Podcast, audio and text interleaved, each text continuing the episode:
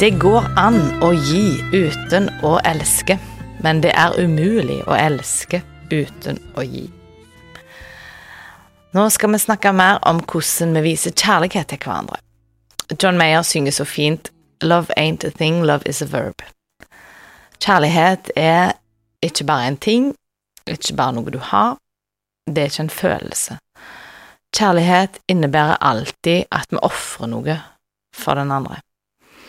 Det er en amerikaner som heter Chapman, som har skrevet ei bok med en teori eh, som heter Kjærlighetens fem språk. Den er oversatt til mange språk, og den har vært på bestselgerlisten i mange land.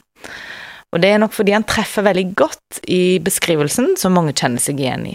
Og derfor skal jeg gi en kort beskrivelse av dette i dag.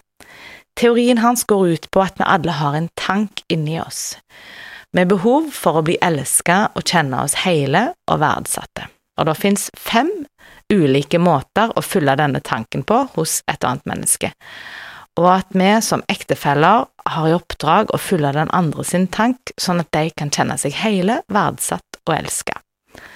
Det er bare den utfordringen at det språket eller den tingen som fyller opp din kjærlighetstank, ikke nødvendigvis er den samme som min. De fem ulike språkene som han snakker om da, det er anerkjennende ord, gjennomtenkte gaver, fysisk berøring, kvalitetstid og hjelpsomme handlinger.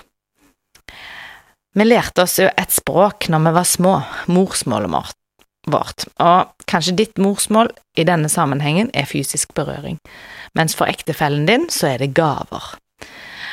Og her er det jo da med morsmål så mener vi det språket som er naturlig for deg å snakke, og som gjør at du kjenner deg verdsatt og elska hvis du blir møtt på den måten. Jeg skal kort gå litt mer gjennom de fem ulike språkene, så kan du tenke litt etter mens jeg snakker, og kjenne litt om dette er viktig for deg eller ikke, for å kjenne deg verdsatt og elska. Det å motta anerkjennende ord, det kan innebære å få uttrykke ned i ord at du blir satt pris på, å få komplimenter og oppmuntringer, og for noen oppleves det som å komme til en oase midt i en ørken. Da føler en seg virkelig sett og respektert og elsket når en får høre anerkjennende ord og ord til oppmuntring om ting du har gjort bra og sagt bra, ting som er bra med deg. For andre så kan det være gjennomtenkte gaver. Gaver det representerer et symbol på kjærlighet, eh, og for de som har dette språket som sitt primærspråk, så er det først når en får gaver at en kjenner seg virkelig elska. Det trenger ikke være at det er dyre gaver, og at jo dyrere de er, jo mer verdt er de, men det at noen har tenkt på deg og gir en ting til deg, det kan kommunisere at du opplever deg elska og verdsatt. Og for de som eh, ikke Nei, jo, for de som ikke har dette som sitt primærspråk, så er dette av de enkleste å lære seg, faktisk, for det krever jo bare at du gir. Det er klart, hvis du har en veldig sparenatur og ikke har lyst til å bruke penger, så kan det jo være krevende å lære seg dette språket, men utgangspunkt veldig enkelt hvis du har en ektefelle som har gaver som sitt primære kjærlighetsspråk.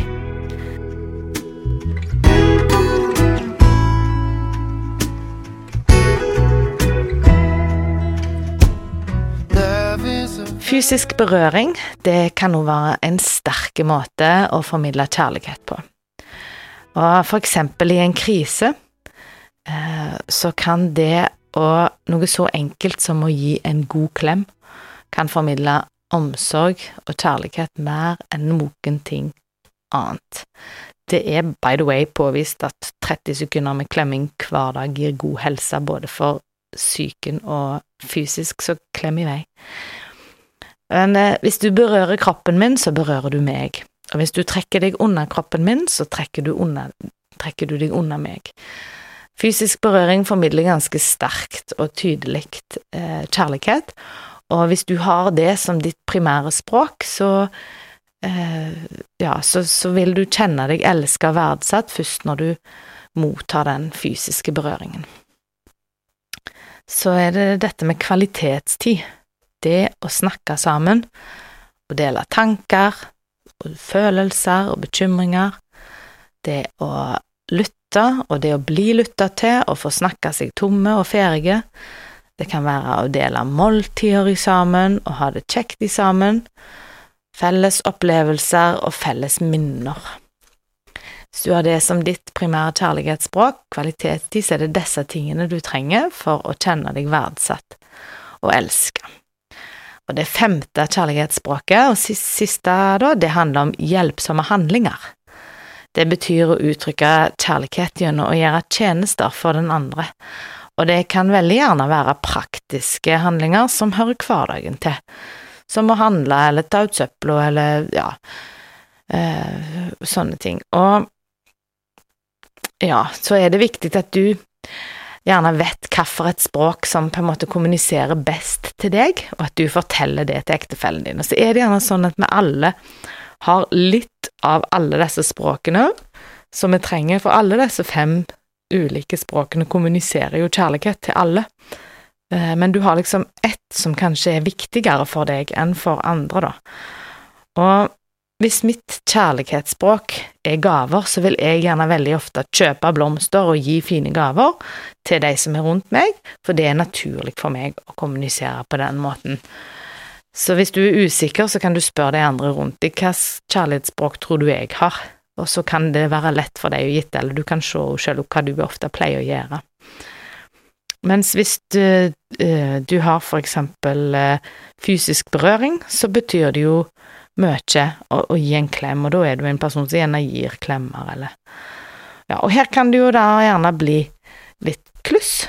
Eh, jeg vet om en som hadde gaver som sitt språk, og hadde kjøpt eh, masse fine blomster til dama, og hun syntes ikke det var viktig i det hele tatt. Hun syntes det var total waste av penger, og kunne ikke forstå hvorfor han holdt på med disse blomstene ble bare irritert, og det såra jo han, for at han hadde jo prøvd å gjøre så godt han kunne, sant, med å virkelig uttrykke hvor mye han brydde seg, og slått på stortromma. Så her kan lett bli krasj, så det er viktig å prøve å finne ut hva er mitt språk, og hva er ektefellen min sitt språk. Og når vi har kurs, så har vi en øvelse der du skal skrive ned disse punktene, eller punkt og får poeng og sånn, og du finner ut hva for et språk som er, er ditt. Og det er bra om du forsøker å finne ut hva du kan gjøre for at ektefellen din skal kjenne seg elska. I Johannes 15,12 står det, Dette er mitt bud, dere skal elske hverandre slik som jeg har elsket dere. Jeg ønsker dere lykke til med å lære dere et nytt språk, det er alltid litt vanskelig i starten, men det er bra å øve, så kommer det mer naturlig etter hvert. Og da var vi snart med veis ende på dette kurset. Vi har én episode igjen. Jeg håper du vil høre. Lykke til med å lære deg nytt språk.